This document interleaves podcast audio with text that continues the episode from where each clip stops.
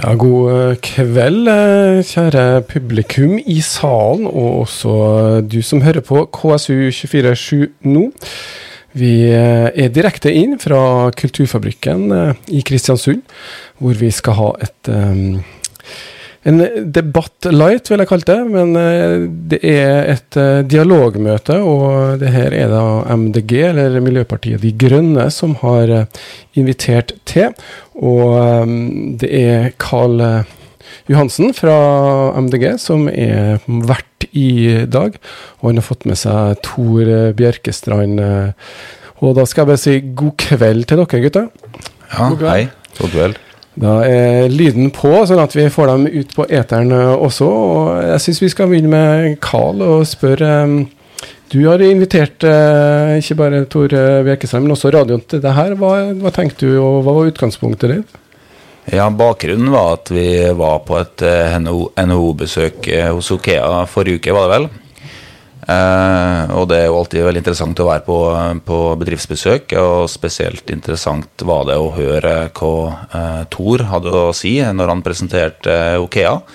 Jeg syns det var mye interessante poenger. Eh, og så ble det ikke så veldig mye tid til, til samtale der ute. Det var vel hun, hun SV-dama som tok all tida fra politikerne, så vi fikk ikke tid til å snakke så mye, vi andre. Så jeg kom jo med noen kommentarer til det Tor har sagt, men han fikk aldri tid til å svare, da.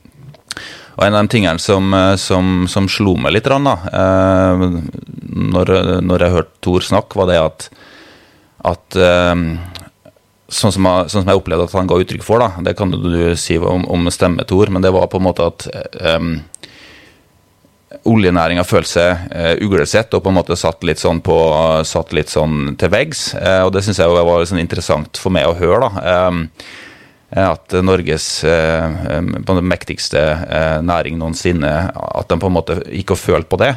Så tenkte jeg liksom eh, Det er jo det som vi føler litt i MDG også.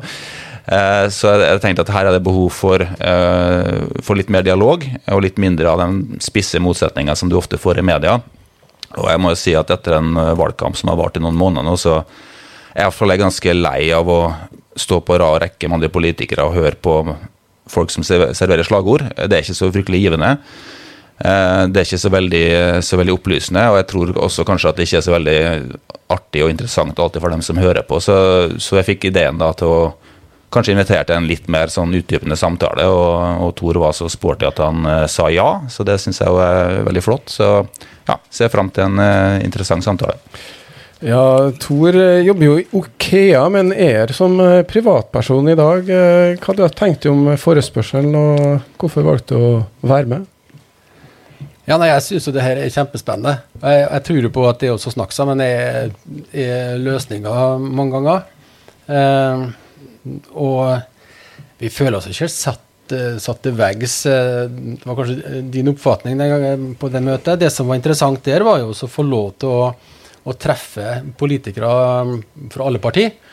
Uh, og, og, dele litt informasjon om hva er, det vi, er det vi gjør på, hva er det vi, er det vi kan. Uh, hvordan ser vi på ulike saker. Og, uh, men som du sa, Karl, det ble jo ikke tid til en diskusjon, for det ble jo bare sånn partipolitikk når vi skulle ha en dialog. Ja. men klart at det er jo ikke arenaen min å, å, sitte her i kveld, det må jeg jo ærlig innrømme. Så jeg er jo spent, men Carl eh, virka jo som en veldig flott person, da. Jeg tenkte at nå er en sunndaling, eh, og dere er jo bare godt folk, så Så jeg tenker det at eh, kanskje jeg kan bidra. Eh, så får vi se. Eh, litt an på temaet. Temaet er jo ganske klart. Da. grunnen til at vi i radio syns det her var interessant Vi kunne selvfølgelig hatt med flere partier for å høre da egentlig rett og slett hva er politikken for det som har blitt den eh, kanskje viktigste saken i valgkampen? Det er klimakampen, da. Og eh, da har man jo gjerne på ytterpunktene, eh, og vi har jo hatt et oljebrøl, og vi har hatt et klimabrøl. Men det er nå akkurat det det er, det er brøling.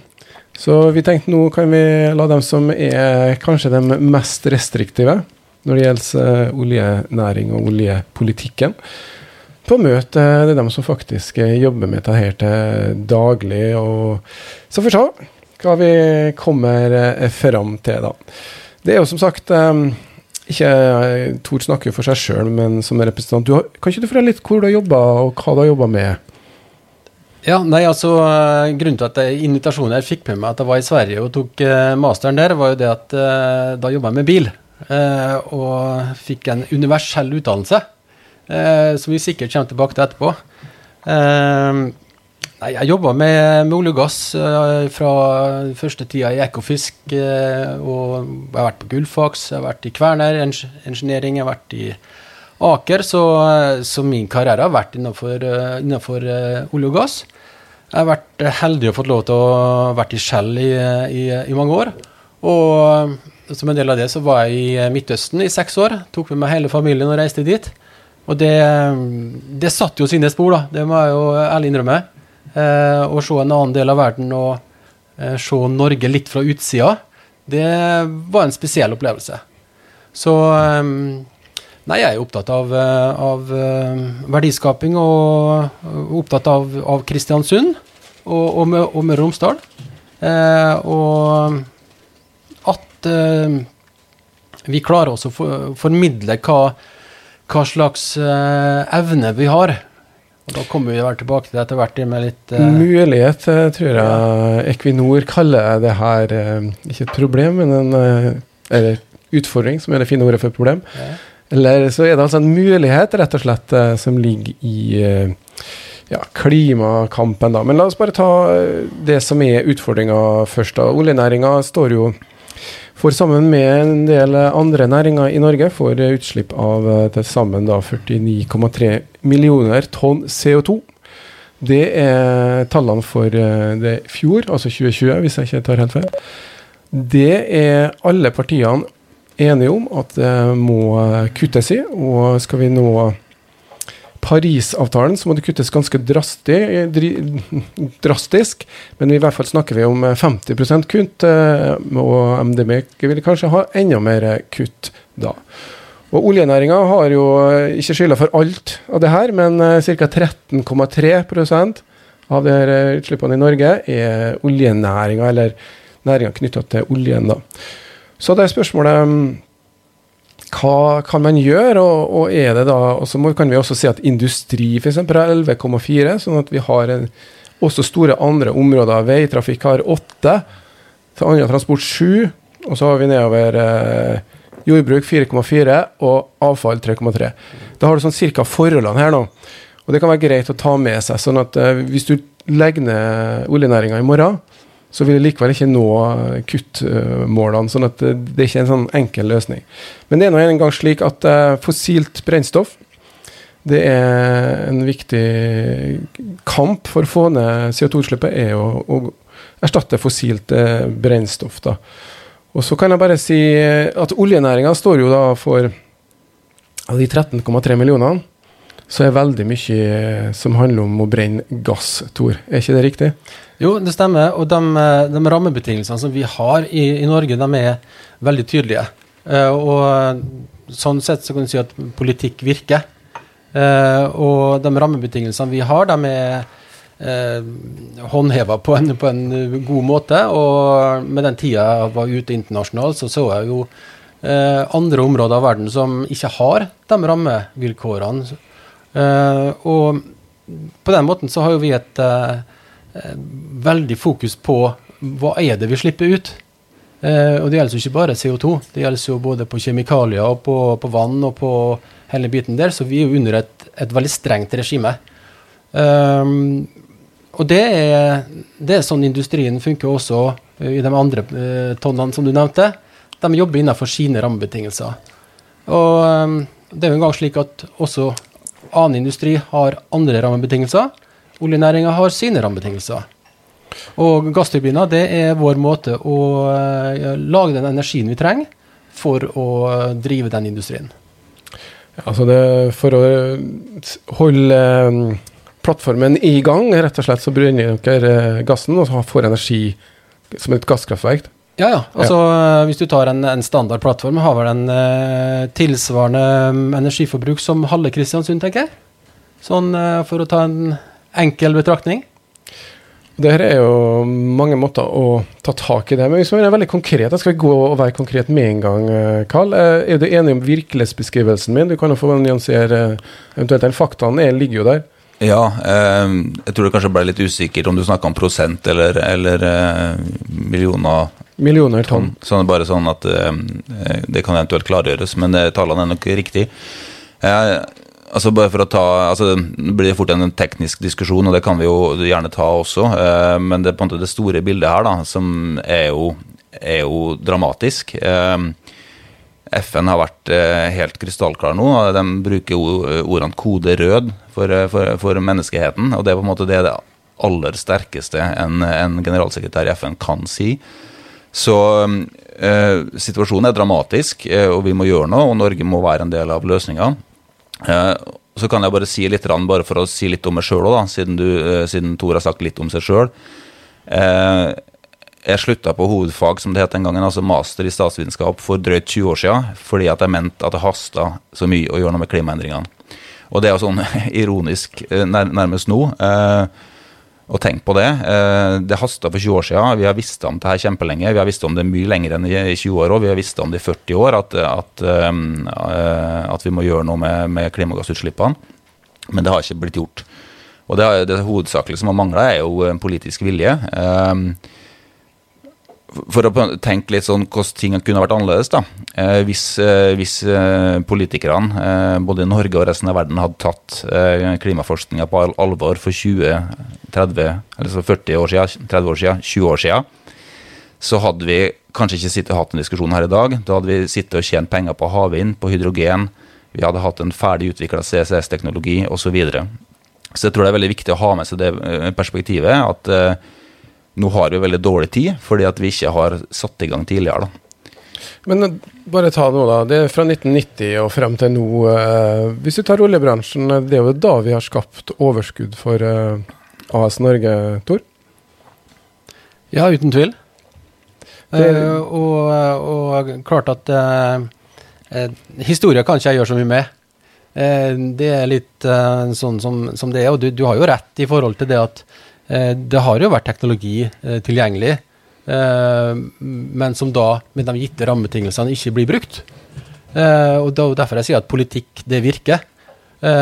Og vi kommer litt tilbake til det med, med, med havvind og landstrøm og hele den biten der. Så Men det er litt De gjør som de får beskjed om. Kravene Nei. eller rammebetingelsene er vel det du beskriver som det, det, er krav da fra myndigheter som de eventuelt må følge? da?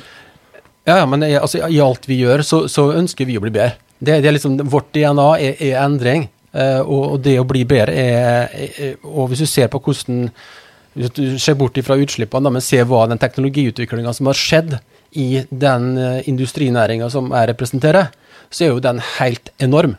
Altså de teknologisprangene som ble gjort på, på 70-tallet og på 80-tallet og, og, helt fram til nå og videre, eh, så er jo det en, eh, en motor for endring som er, som er ekstrem.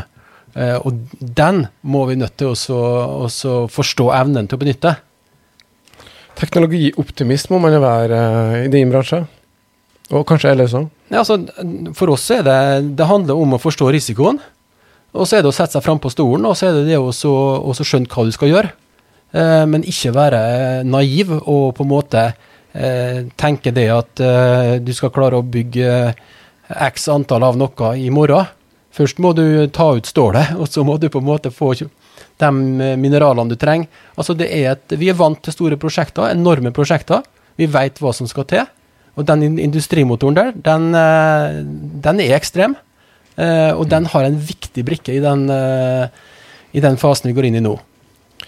Og det, det, kan jeg bare si at det er vi også veldig enig i. Eh, og det er på en måte ingen parti egentlig som spør de politiske partiene, så det er ingen som er uenig i at at kompetansen som ligger i oljenæringa, eh, den er helt avgjørende for at vi skal fortsette å tjene gode penger i framtida.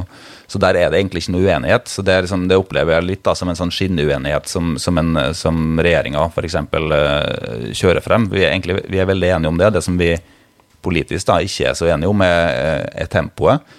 Uh, og, ambisjon, og ambisjonene. Ta det, ta det liksom 2035 er et uh, magisk årstall for dere? vi driver ikke så mye med tallmagi, da. vi prøver å forholde oss til vitenskap og fakta. Men eh, altså det tallet som, som, man bør vite om, da, det er 2030. Da har eh, Norge sagt at vi skal kutte 55% Man har altså bundet seg til EU sine, EU sine, klimamål uten å ha den her såkalte taksonomien til EU i, grunn, i bunn, som er på en måte en, en helt sånn egentlig revolusjonerende eh, eh, Eh, pakke med, med, med, juridiske og økonomiske mekanismer, den har vi ikke. Eh, fordi vi ikke er med EU, men vi har kobla oss til EU sine klimamål. Eh, dem er vi ikke i nærheten av å nå. denne regjeringa har kutta mer enn den forrige den, altså Forrige gang vi hadde en Ap-regjering, da økte utslippene. Så denne regjeringa har jo gjort bedre. Men samtidig så er vi kun on track til å klare 20% innen 2030. Så vi er langt bak våre egne mål, som i seg sjøl er for lav i forhold til å nå 1,5-gradersmålet i Parisavtalen. Så Det er på en måte viktig å ha med seg. Eh, og så er det helt åpenbart at, eh, at den kompetansen som, som, eh, som, bransjen som Tore representerer, den er helt avgjørende for at vi skal fortsette å ha det velstandsnivået vi skal ha i dag. Ja, bare for å ta perspektivet. EU, ta, hvis vi tar EU, tar, sammenligner oss med land rundt oss, da, så har vi jo i Norge fra 1990 til nå da, 2019-tall så har vi økt CO2-utslippene med 24 mens eh, Sverige f.eks. har eh, gått ned eller kutta med 27% og Danmark med 45 da. Men eh, det blir veldig Si tallet for Norge en gang til. 27, nei, 24% vekst siden 1990. Vi har kutta 3,9% siden 1990. Ja. Men det er kanskje næringa som vi snakker om, da?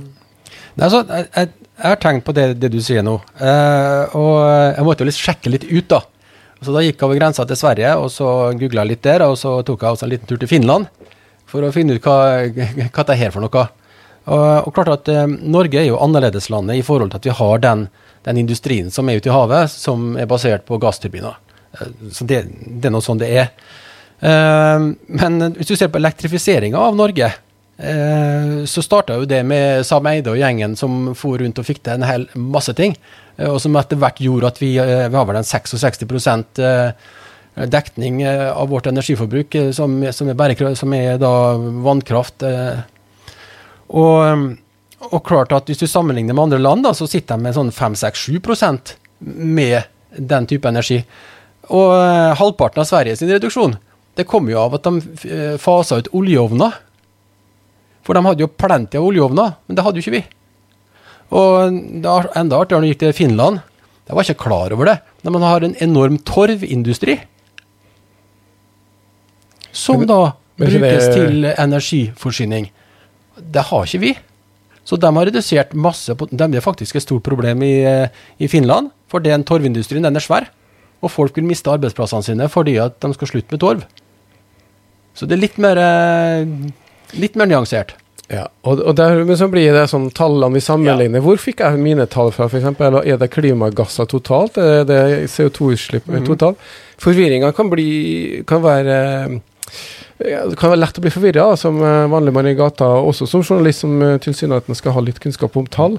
Men eh, poenget er altså, vi er ikke i tvil om at klimaendringene her og at de er menneskeskapt. Så Den diskusjonen trenger vi ikke ta, det er litt en forutsetning her.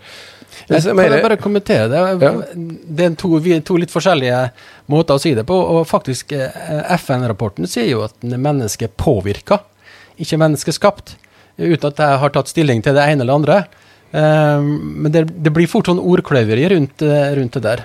Men vi har innvirkning på klimaet? Altså, vi, vi, anerkjenner jo at, at vi har en, en stor utfordring. Ja. ja. bare for å svare på det, da. Så det er jo andre faktorer som påvirker klimaet òg. Men, men, det er ikke det vi snakker om her. Nå snakker vi om den menneskelige påvirkninga, den er helt eh, klar og påvist. Ja, og For oss er jo oljenæringa da en eh, verdiskaping. Det er Uten så hadde kanskje Norge um, hadde andre utfordringer, i hvert fall sånn økonomisk. da. Hva skal vi gjøre uh, uten den økonomiske bidraget, da, Karl? Ja, altså Da kan vi jo sammenligne oss med andre, andre, land. og Det er jo riktig som Tor sier, at eh, det er andre, et annet utfordringsbilde for oss enn det er for, eh, for eh, landene rundt oss. Så det er, noe, riktig. Men det som også er riktig, er at de andre landene i Norden har også et veldig høyt velstandsnivå. Finland har den beste skolen og den beste helsevesenet i verden. Og, så, sånn at, og, de har jo ikke olje. Sånn at det er jo, altså Hadde ikke vi hatt olje, så hadde vi hatt en mer diversifisert økonomi, sånn som landene rundt oss hadde. og som også vi er nødt til å få. sånn at jeg tror ikke du skal gjøre det her til et sånt bilde at enten så, enten så, har vi olje, eller så har vi, altså har vi ikke velferd. For sånn er, det, sånn er ikke i det hele tatt. og eh, Statistisk sentralbyrå har regna litt på det her. da. Eh, de har regna på et par ulike scenarioer, eh, hvorav det på en måte det, det strengeste scenarioet i forhold til, til oljereduksjon da, går på at hvis du, hvis du slutter å lete etter nye oljefelt, pluss innfører en del Eller tar bort de største skattefordelene til oljenæringa som nå regjeringa eh, har begynt med, som er veldig bra. Så vil du eh, fram mot, eh, fram mot 2050 tape 1,5% av BNP. Og Det er mange grunner til at det blir sånn, bl.a. at det blir lav etterspørsel til olje over tid uansett. Eh, rentene og, og, kroneverdien går ned, så du får vekst i andre næringer osv. Flere, flere faktorer som gjør det her. Men det er altså 1,5% frem mot 2050. Eh, eh, det tilsvarer ett års BNP-vekst. Sånn at det her er på en måte det, den forskninga som er gjort på hva som skjer hvis du, hvis du stanser å lete etter olje og tar bort de største skattefordelene. sånn at det er ikke så dramatisk som man skulle tro. og så er det jo spørsmålet på en måte hvor fort skal man skal, skal, skal, man avvikle eh, norsk oljenæring? Skal man, altså, skal man avvikle det, eller skal man la markedet styre det? Skal man ha en plan for det, eller skal markedet ta seg av det? Og Problemet med å la markedet ta seg av det, eh, er at det, blir, at det investeres veldig mye. Eh, store investeringer i olja. Selvfølgelig, Det handler også om penger, det kan vi komme tilbake til etterpå. Eh, at det er mye penger i olja. Eh, selvfølgelig. Det er lett å være Danmark og legge ned sin oljeindustri, for de har så lite av den. Det er vanskelig for Norge fordi det, det, gir et så stort bidrag til, til BNP. Da. Men i forhold til de investeringene, det er et kjernepunkt. Derfor er det så viktig for oss da, at man slutter å lete etter ny olje, for da får du vridd de investeringene over til de tingene vi skal leve av i morgen, som er hydrogen, som er havvind, som er maritime næringer, som er grønne skip osv. Så, videre. Så eh, ja, det med investeringer er et kjernepunkt. da. Sånn som Sverdrup-feltet som, som ble satt i drift nå, det skal pumpe olje fram til 2000 2070. Det er 20 sånn år etter at verden skal bli, skal bli klimanøytral. sånn at vi er nødt til å begynne å vri de investeringene. da. Og Så kan man diskutere hvor, hvor, lang tid det skal ta, om det er fornuftig å sette en sluttdato. Det er helt legitime diskusjoner. Men, men, å, men å lete etter mer olje, eh, det bør vi slutte med. Og det er vel ultimate med dere? Det er det ene ultimatumet vi har satt. Ja, og, Men det står vel også at de skal ikke være med på å utvide eksisterende felt? Ja, det ligger innenfor den definisjonen. Ok. Mm. 225 000 mennesker jobber i olje, både direkte og indirekte, da. Eh, tror du at de blir arbeidsledige, Tor? Nei. Det tror jeg ikke. Og eh, du, du snakka litt om skatt her i sted. at det er sånn, Jeg har også sett at det blir sagt at den uh, subsidierte oljenæringa Jeg tror vi betaler 78% skatt. Grunnrente, ja. Mm. og relativt Men det skal ikke gå den veien der. Det, det, er noen hundretalls milliarder som tikker inn på bok hvert eneste år. Men da er jeg tilbake igjen til industrimotoren. og der er å ha flere tanker i hodet samtidig. Uh, og det er to ting her som, som jeg syns er viktig. Det ene er å forstå energimiksen. Altså et, et, samfunn funker ikke enten-eller på vind eller sol eller olje eller eh, Det er en miks her. Uh, langtransport f.eks. funker dårlig med batteri. Uh, funker sikkert mye bedre på hydrogen. Biler, personbiler, elbiler er jo kommet for, for å bli, selv om også i Norge har vi Jeg tror det er 8,8% av bilene våre er elbiler. og Hvis du drar et annet til alle andre land, så finner du at andelen er jo 0,5 ish. Um, men den energimiksen, da, og det er litt interessant å se på de uh, plassene hvor, hvor, du virkelig har tatt uh, sol og vind helt ut. Eh, nå skal jeg, Kanskje det er en påstand, det jeg sier nå, men det, det jeg hørte at i, det var California som, uh, som nå sleit med at det faktisk ikke er stabilt nok energimiksen i et sivilisert samfunn må være stabil. du kan ikke plugge, ta ut eh, strømtilførsel. Da skjer det ganske alvorlige ting. Og de bygger nå gasskraftverk for å kunne eh, ha en miks som gir den stabile energitilførsel som vi trenger som samfunn. Eh, og så kan vi spørre oss sjøl om, om ti år. Altså 2030 er jo bare åtte år unna. Eh, og vi snakker her om, en, eh, om, om, hydrogen og om CCS og om teknologi som relativt tidlig fase. Eh, og så skal du da klare å, å eh, ja, gjøre det i en sånn tempo og en sånn størrelse at du skal dekke inn for bortfall av uh, spesielt gass. da. Jeg, jeg, jeg sliter med at den, den gassbiten uh, Altså, Storbritannia hadde jo sin første kullfrie dag for noen år siden. Eh, og hvorfor det? Fordi at uh, Nyhamna og Troll og, og Kårstø leverer trygt og godt en, en energitype eh, som er langt bedre enn kull. Uh, og jeg vet jo det at hver gang at det er problemer, enten på Troll eller på et av disse anleggene her, så er det jo på ministernivå. For så ille er det hvis de skulle miste den gasstilførselen i, i ei kald vinteruke eller noe sånt. der. Slik at eh, det er, jo, det er jo en del eh, både politiske rammebetingelser er med, men også markedet. Altså, vi er kommersielle. Og, også, og, og politikerne er jo er også opptatt av kost-nytte. Slik at det er drivkrefter her i forhold til Altså, du kan jo sammenligne det med, med lakseproduksjon. Hvis du ikke får betalt for laksen din, så slutter du jo. Og, så, og, den, den mekanismen der er jo slik at hvis vi finner en energimiks som ikke trenger olje og gass, så løser det seg jo sjøl. Ja, Men alle, alle de scenarioene som, eh, som, er lagt frem, har jo gass spesielt, og olje som en del av den energimiksen. 33% av verdens energibehov eh, dekkes av olje, er det riktig? Når du sier det, så er det sikkert riktig. Jeg ble veldig usikker på tallene mine når jeg sjekka, men det var i hvert fall den uh, I Norge er det i hvert fall 66% vannkraft og er helt uh, enestående. Ja, og det er jo ikke alle som har de forutsetningene som vi har med vannkraft i forhold til vår egen energi. Men det, det er jo det at uh, en ting er at uh, bransjen slipper ut i produksjonen relativt lite, men det er jo forbruket av olje ute i verden den tilsvarer vel rundt 500 millioner tonn CO2. Er det et røft riktig tall? Det husker jeg ikke helt i farta, men, men, det er i hvert fall veldig større enn det norske energiforbruket. Det er i hvert fall ti ganger så mye som vi slipper ut i Norge totalt. Mm, så, det, sånn det her, det her er det et eh, behov. Men som du sier, Tor, eh, tenker dere om etterspørsel og sånne ting? Da ser de noe Det ser de på oljeprisen, men uh, Altså, jeg jeg, jeg synes Et godt eksempel altså, det var bare når jeg var i Sverige, men jeg husker hjemme på kjøkkenet til bestemor. Det var en strømmåler. Da var det overforbruk. Da måtte du stoppe. Da måtte du skru ned noe, for vi ville jo ikke betale Slik at de mekanismene der, de funker. Hvis du drar til Sverige nå, jeg syns det var så rart når jeg var der, så når jeg ringte på til en svenske, så var huset helt mørkt. Og etter hvert som en bevega seg gjennom huset, så gikk lyset av og på. For de har jo vært vant til mm. energi, og så ha et forhold til energi. Vi er jo så bortskjemt, vi har jo ikke noe forhold til energi.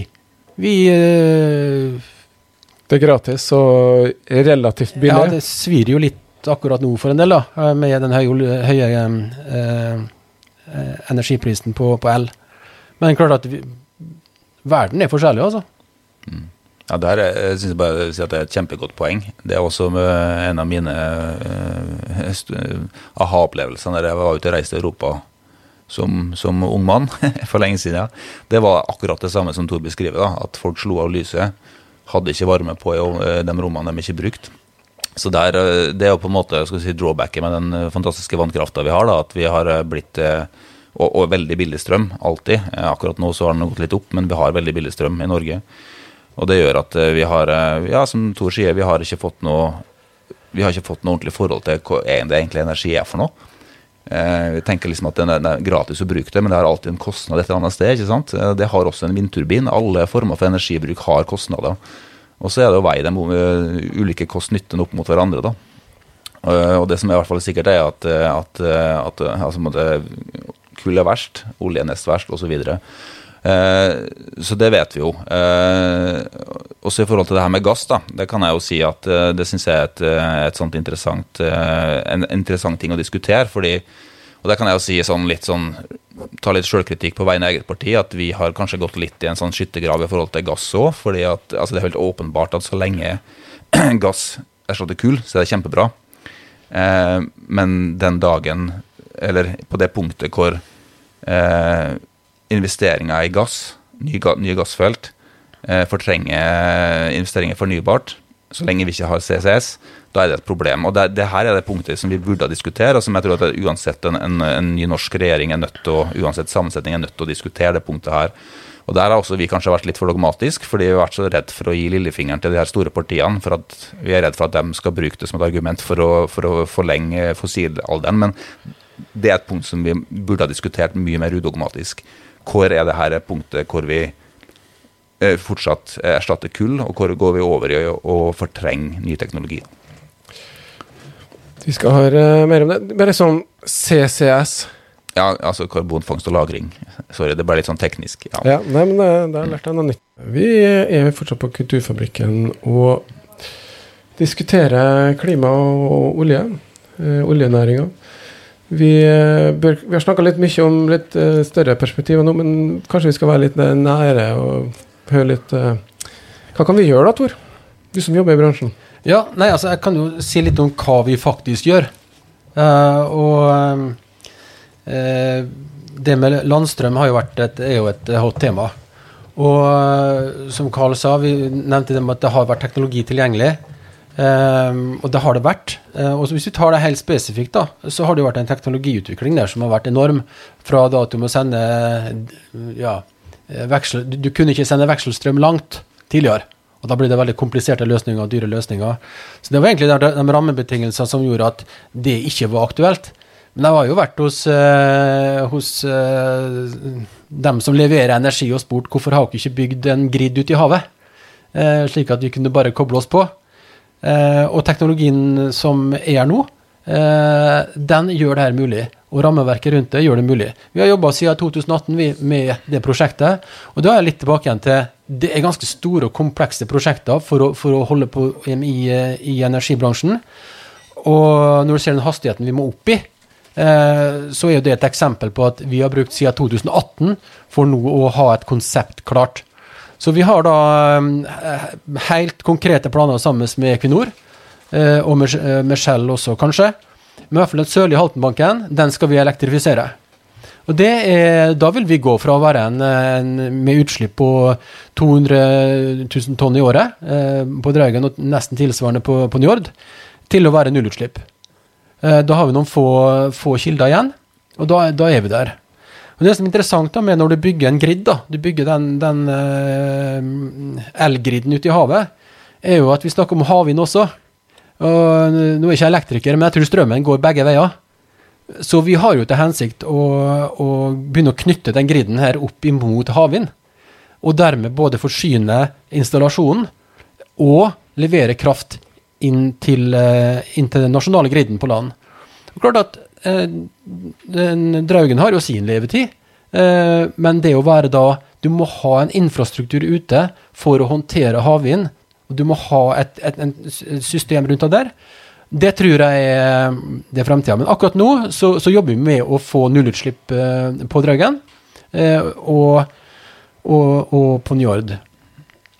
Og, men det er jo veldig store steiner, da. Uh, men det er jo en del ting som, som vi gjør som uh, hvis du hadde dratt det inn til land, uh, hadde blitt lagt merke til. altså Jeg tror jeg la som at Tine skulle gå over til biodrivstoff, og det var en stor sak, og noen skal plante trær og sånt der. Men vi jo, gjør jo hele veien energiforbedrende tiltak som det monner av. Den, vi har et fartøy som vi har ute, som var et av de første fartøyene på, på LNG. Den har vi nå på landstrøm når den ligger på kai. Og nå skal vi etter jul eh, lage hybridbåt. Og straks det er en elbåt som er tilgjengelig for den transporten, ja, da bruker vi den nå. Og, ehm, så vi, vi sitter ikke bare og venter. Vi har planer, og vi kommer til å gjennomføre ting. Definitivt. Men det hjelper jo da f.eks. elektrifisering av sokkelen, da, at det kanskje er noen insentiver som også i kroner og øre. Der er de positive i MDG i hvert fall. Ja, altså Vi er veldig positive til å elektrifisere sokkelen med havvind. Eh, men derimot å legge dyre kabler fra land eh, er vi jo veldig skeptiske til. Eh, så der tror jeg det høres ut som vi var litt enige om at det skal gjøres med havvind, og det er i så fall veldig bra.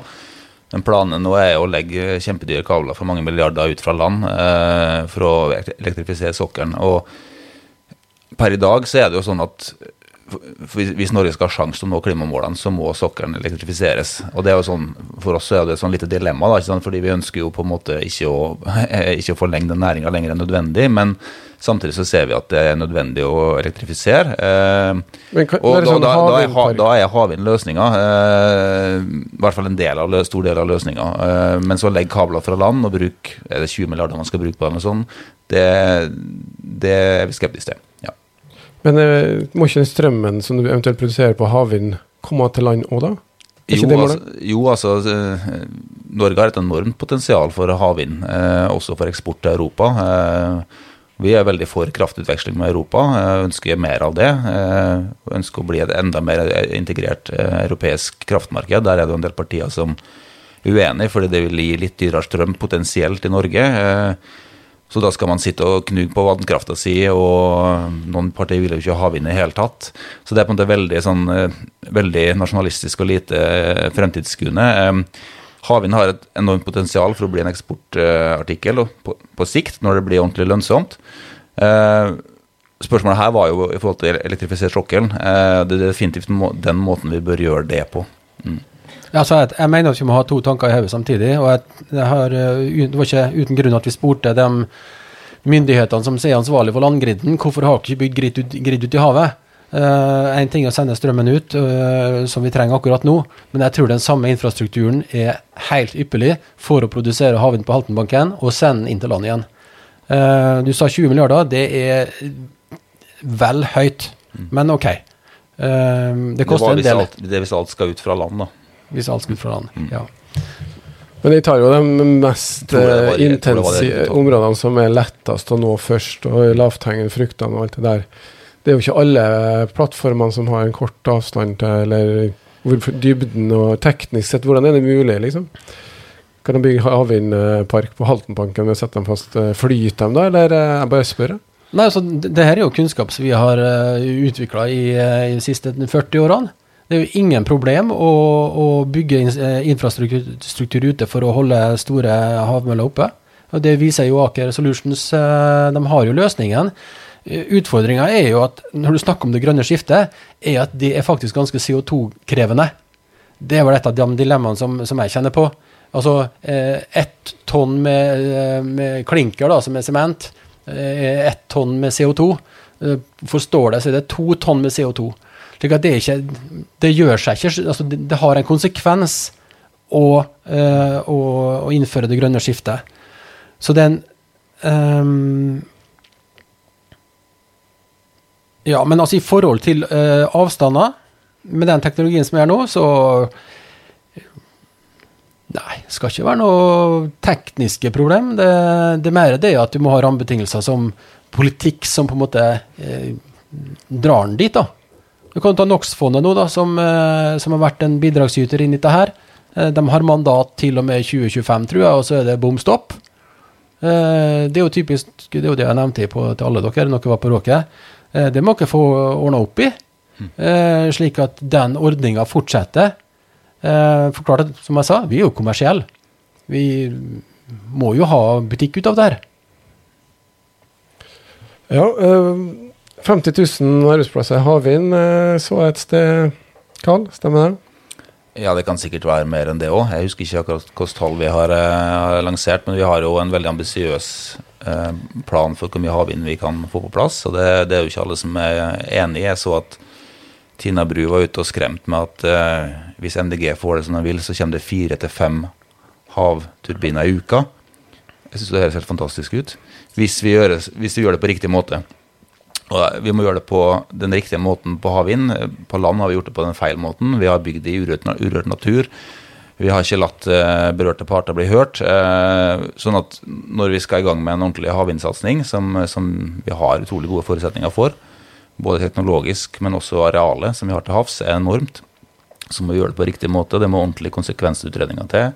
Fiskeriene må skjermes. Uh, det må gjøres ordentlig kartlegging av livet i havet, sånn at det ikke det blir unødvendige store påvirkninger. Men som, som Tor er inne på, altså, altså all energiproduksjon har konsekvenser. Eh, I forhold til det grønne skiftet, da, så er det jo, det er jo riktig det at eh, alt vi gjør har eh, en kostnad, men kostnaden ved å la være å omstille oss er jo mye større. da, Så det må ha det perspektivet med også. Men det, det er kost-nytte, da. Uh, og vi kan ikke ofre naturen for å redde klimaet. Vi må på en måte gjøre begge deler samtidig, og det er det som er litt utfordrende.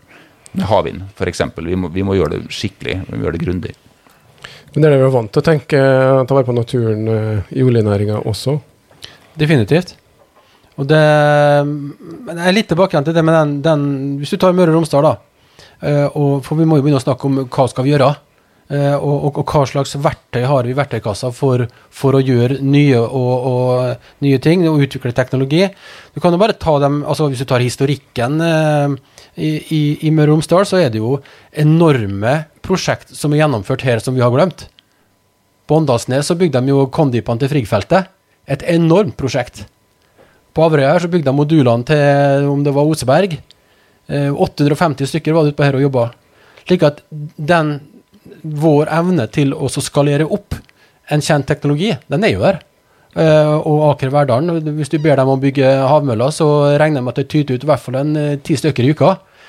Så det er mer det å få Hvis det, hvis det er ønsket, da, om å bygge um, alle de vindmøllene, så er jo motoren der. Må bare passe på å ikke ødelegge motoren før vi trenger den. Som er noe av det med å avslutte. Uh, fordi at hvis du sier til ungdommen det at nei, nå skal vi ikke holde på med dette her lenger, eh, da vil jo vi begynne å, å sannsynligvis å slite med ja, det med lærlinger, det med rekruttering og, og, og opprettholde den motoren, som, er, som, jeg mener er helt sentral for å få det til. Eh, og Opplever de det i dag? Nei, tvert imot. Uh, ungdommen, de, uh, altså Når vi søker etter folk, spesielt offshore, så får vi hundrevis av søkere. Og vi har lærlinger hvert eneste år, og det er kjempespennende. De, vi er ikke der ennå. Er klart at Hvis du sier at nei, nå er det stopp i 2030, og at det er rammebetingelsen eh, ja, Jeg, jeg syns jo det er en relativt stor eh, sjanse å ta i forhold til det å drenere ut den kompetansen som Møre og Romsdal har. Men Du sa jo at du, du er ingeniørutdanna, skjønte jeg riktig? Det stemmer. Ja, Og du hadde en generell ingeniørutdannelse, ikke sånn oljespesifikk? Ja, ja, jeg er jo utdanna datanerd innenfor konstruksjonsteknikk, så jeg, det, tilfeldighetene var jo slik at eh, jeg holdt med bilindustrien uh, og kjørte sånne analyser på biler. Så hvis ikke jeg hadde vært for militæret, så har jeg sikkert jobba med elbiler i dag. Så det samme som NASA bruker på romfart. Og oljeindustrien bruker det på avanserte analyser. For de strukturene som vi har stående ute i havet her, det er jo noen uh, ingeniørmessig så, så uh, helt enestående konstruksjoner. Jeg tror ikke folk forstår egentlig hva slags teknologi som er utvikla ute her. Og hvis du da tar, og den må vi ta vare på. Uh, og jeg tenker det at hvis noen skal produsere altså det vil, Olje og gass vil være en del av den energimiksen som Europa trenger, og som verden trenger, i 2030 og i 2040 og kanskje også 2050. Da skal vi produsere den. Da skal ikke andre ta over det. Det mener jeg er er ikke det bedre da at vi prøver å produsere olje på en mest, uh, minst mulig fotavtrykk? Eh? Ja, jeg tenker at det, det. det, er et poeng at alle som produserer olje, gjør det med et minst mulig avtrykk. Det her kunne jeg kommentert på mange ulike måter, men altså Hovedproblemet med olje er ikke utvinninga. Det er jo riktig at, at Norge har bred teknologi, så det er ikke så høye utslipp ved utvinning som en del andre land. Eh, men hovedproblemet med olje er jo når den forbrennes. ikke sant? Det er jo det som, det er, det som er hovedproblemet. Og så er det sånn da at eh, det er jo ingen som sier at Norge skal unilateralt, altså ensidig, slutte å produsere olje over natta, mens andre, alle andre skal fortsette. Det ville jo vært helt sprøtt å si, og det sier jo ikke vi heller. Og det er på en måte det som er si, en av flere store problemer med den her, mye omtalte Rystad-rapporten som kom nå, som, er, som, som, Norsk olje og gass har bestilt. Eh, at den utgangspunktet da er at eh, eh, Norge alene skal slutte å produsere olje. Det er det ingen som mener, og det skal vi ikke heller. Eh, men Norge også må være villig til å, å begynne å tenke at vi skal leve av noe annet etter olja, så er det helt, eh, helt legitimt å snakke om når den sluttdatoen skal være. Eh, jeg kan jo si sånn For dem som er interessert eh, i liksom MDG-historikk Første gang vi begynte å snakke om det her, det var vel åtte år siden. Da sa vi 20 år. 20 år mente vi var en fornuftig tidsramme for, for, for avvikling av oljeindustrien, og så har tida bare gått. Nå sier vi 15 år, så det er ikke 2030, men 2035 vi sier. Men det det er helt åpenbart at det er noe som det er helt legitimt å diskutere. Er det en riktig dato?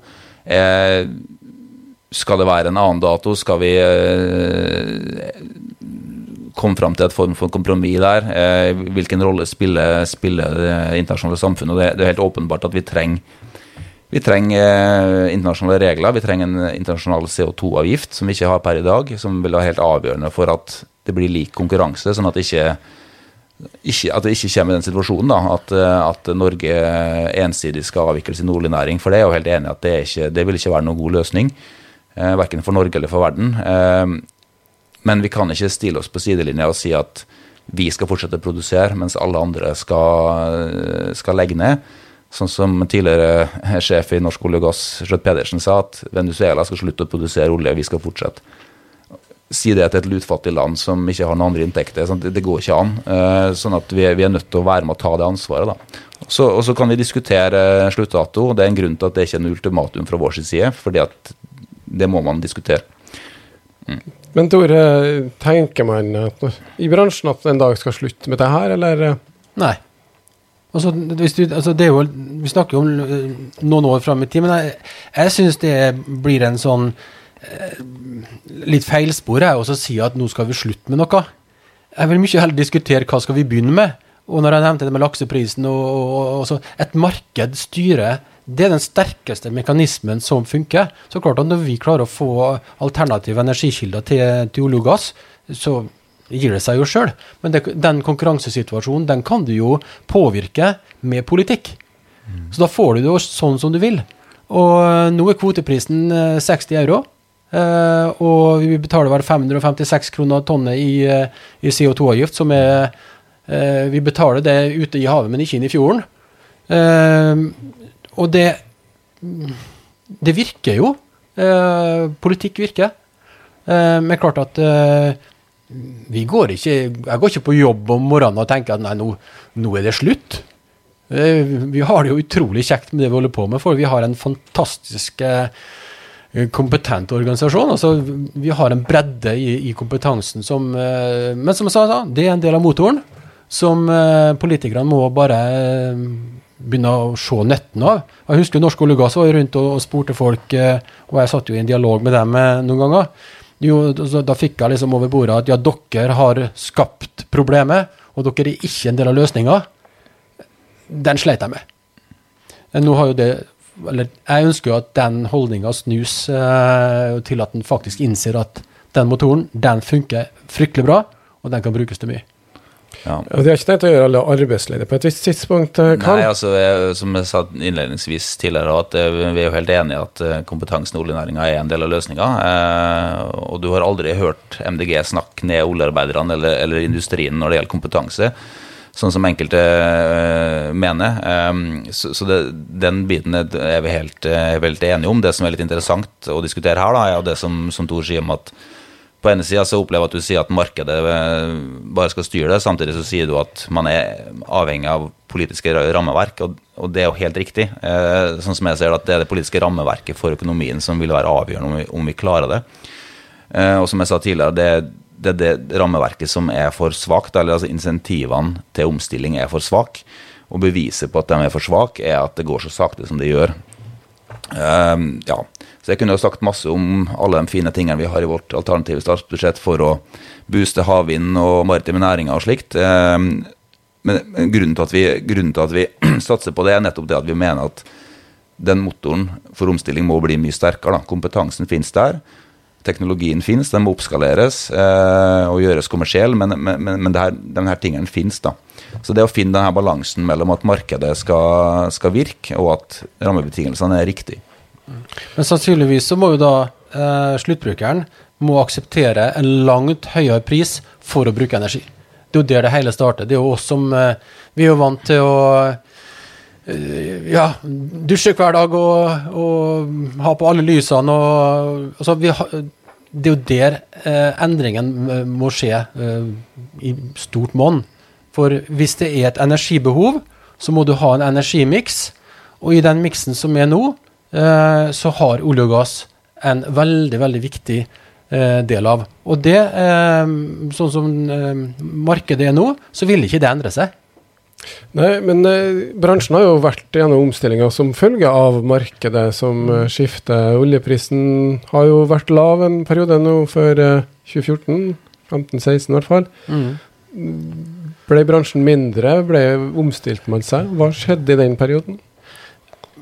Altså den eh, Olje- og gassmarkedet, er jo, spesielt oljemarkedet, er jo veldig eh, Det må være i balanse. Altså Hvis vi skal snakke om OPEC, da. Når OPEC har kontroll, så, så klarer en å ha kontroll på det. Men det gikk jo over styr. Når det blir en liten ubalanse på det, i det markedet der, så går prisen rett i været. Og det er det som skjer på gass nå.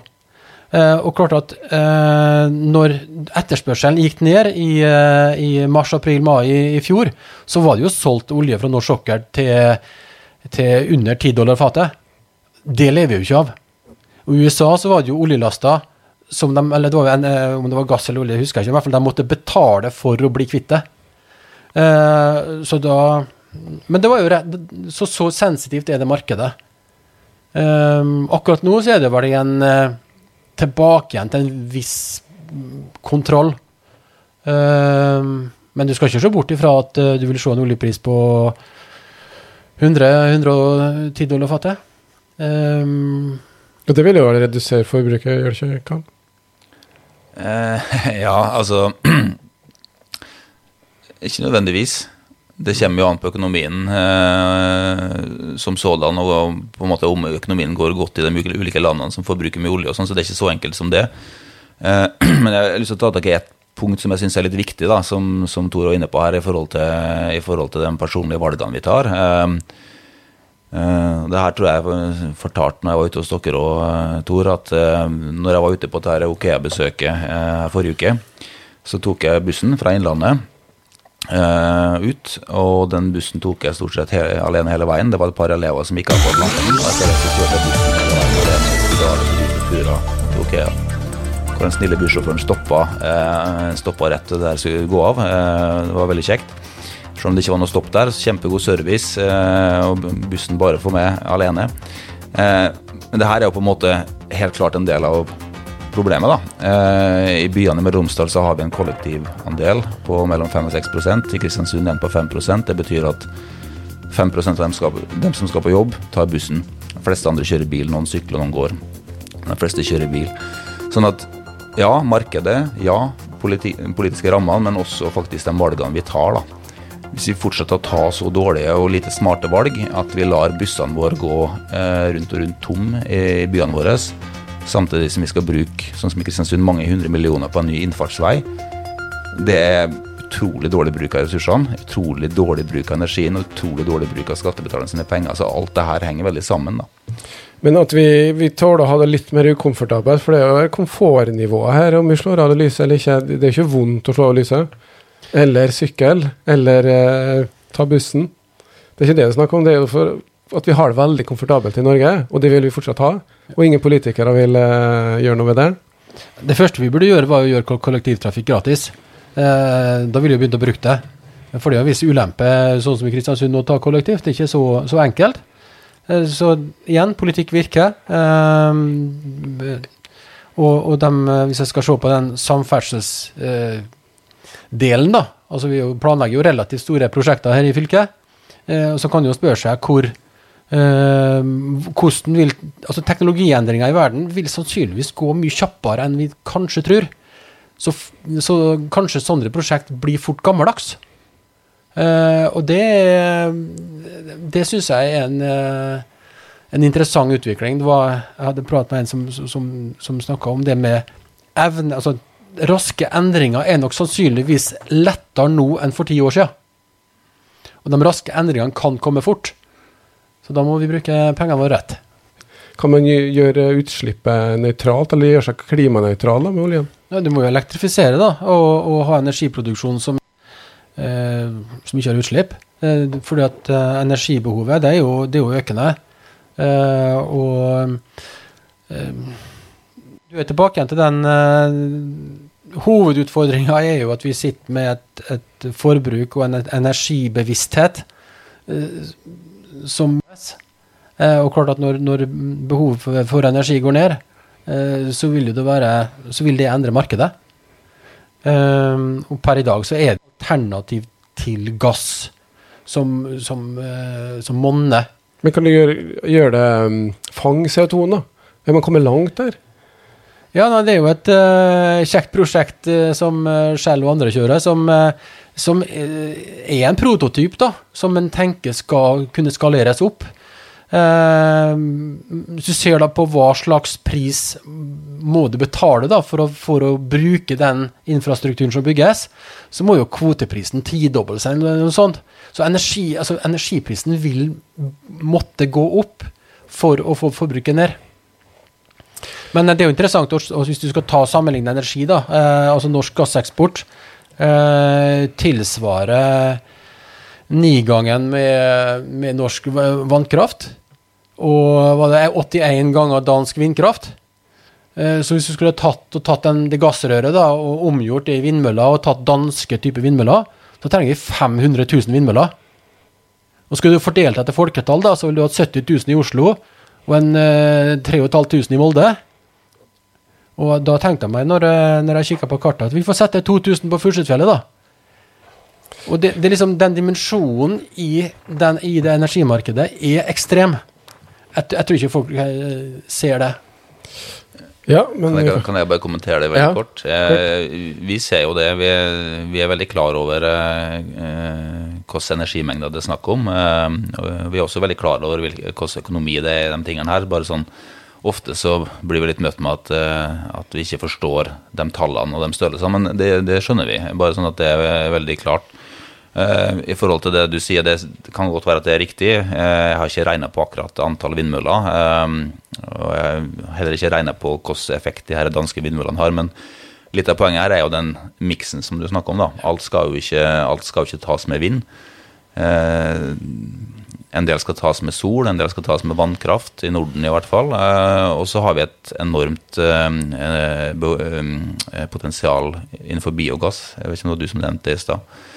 Vi var på bedriftsbesøk hos en, en bedrift, en oppstartsbedrift, kan man kalle det. De har holdt på en del år. Hypertermix heter de, som helt til i Ulsteinvik. Som jobber med, med sånn, hva heter det, refit-teknologi. altså at de, at de øker kapasiteten på på allerede eksisterende biogassanlegg. Eh, og det, Jeg visste for så vidt fra før hvor langt i bakleksa Norge var, men han, eh, han, forklarte med tall, og det var ganske sånn eh, voldsomt hvor langt bak vi er, og mange andre land er også, i forhold til å uh, bruke de biogassressursene som vi har. da. Eller altså de biologiske ressursene som kan omdannes til, til gass. Sånn at um, Der har vi et enormt potensial, uh, både i Norge og veldig mange andre steder i verden. sånn at Det er den miksen da, som, som, må bli riktig. Vi har et potensial. Uh, vi skal dra sammen trådene litt. Er det noen spørsmål uh, fra salen? Er noen som har lyst til å stille guttene her noen spørsmål? Jeg skal gjenta spørsmålet på lufta og sånn til alle hører. Spørsmålet er jo da om hvis vi lar markedet, økonomien bestemme, vil vi da nå Parisavtalens eh, mål? De, de rammene som vi har i dag, så klarer vi det ikke. Eh, I hvert fall ikke Norge. Eh, EU ligger bedre an, mange andre land ligger mye dårligere an. Eh, så, så, svaret er at det må mye kraftigere insentiver til for omstilling. Eh, sånn at en, eh, ja, et, et, annet økonomisk rammeverk Eller et annet rammeverk for økonomien, for markedet. Det er slik som jeg ser det. det ja, det, kvoteprisen må opp, sa Tor i sted. Nys, da. Det, det, er jo ikke noe som jeg har så mye greie på, men altså det, det, svir jo når skatten går opp, sant, ja. Og, og hvis det koster da tigangen eh, på Sett opp strømprisen tigangen, da, og se hva som skjer. Eh, det er jo der eh, det finnes mekanismer. Da kjenner jeg bare på meg sjøl at da vil jeg sikkert være litt mer forsiktig, da. Men svaret er vel at nei, ikke sånn som det er i dag. Nei. Andre spørsmål? Skal bare gjenta spørsmålet. Det refereres til det at um, Tor snakka snakker om at de ikke går, på, går, på, jobb og tenker at de skal slutte en dag. Men uh, så spørsmålet er det, det, er jo da slik at hvis vi tar opp de oljeressursene som er funnet nå, så havner man i 42 år fram i tid. Så er det ikke mer olje å hente. Men uh, hvis det blir letestans, uh, hva skjer da? Jeg lurer på hva bestfatteren hadde svart på det. Hvis du hadde spurt om hva skjer om 42 år, når han var ung. Altså, det er et voldsomt perspektiv. Det, verden kommer til å se helt annerledes ut. Eh, men per nå så skal vi både utvinne det som vi har i nær eksisterende infrastruktur, definitivt, eh, og vi skal lete. Fordi at den, den energien som, som, gassen representerer, oljen representerer, og den representerer jo mer enn bare, mer enn bare energi. Den representerer jo alt vi har på oss, og alt vi har rundt oss. Eh, altså, så nei, jeg jeg tror vi kommer til å holde på lenge. Ikke, og, men når alternativet kommer, så kommer det. Og da må vi bare forholde oss til det. Ta tekoindustrien da, som, eh, som, et eksempel. Det var jo en eh, skredder i hver en eh, kjeller på hele Nordmøre. Til slutt så havna jeg på Høvding i Molde, og nå er det i Polen. Altså, 42 år er for lenge for meg. Da tar vi ett spørsmål til tenker du over eh, miljøet i havet når de jobber? Ja, litt tilbake til de, det rammeverket som vi har rundt oss. Vi har, vi har eh, Miljødirektoratet, Statens strålevern, Petroleumstilsynet. Vi har en, en, kompetanse rundt det å sette rammer for hva vi gjør, og dem er vi godt innafor. Eh, jeg kjenner ikke til den problematikken spesifikt, men det har jo vært en enorm utvikling på, på det, f.eks. Det, det med boring. så Um, jeg vil tippe at svaret er ja, det tenker vi på. Uh, gitt at vi har den kompetansen som setter rammene for oss. Karl? Ja, jeg kan også eh, svare ut fra min kunnskap. Jeg kjenner heller ikke til på en måte akkurat hvordan den påvirkningen arter seg. Men det, det, som vi vet, da, er jo at, at eh, økt CO2-nivå i atmosfæren påvirker havets evne til å produsere oksygen. sånn at det er kanskje et, et enda større problem. Vi eh, runder av der, vi, rett og slett. Eh, jeg tar siste ordet, eh, med mindre de får en voldsom trang akkurat nå mens jeg sier de ordene her. Så skal jeg takke både Tor Bekstrand fra Okea for at du møtte opp, og Carl Johansen fra MDG. Og så vil jeg også takke publikum. Og så vil jeg til slutt nå si at vi har et valg. Og mange av de tipsene kom i dag. Mandag så er det enda viktigere valg, og da bør vi enten ha stemt, eller så bør vi i hvert fall stemme. Og så får vi nå alle gjøre oss opp ei mening som best vi kan, og gjøre plikta vår. Tusen takk.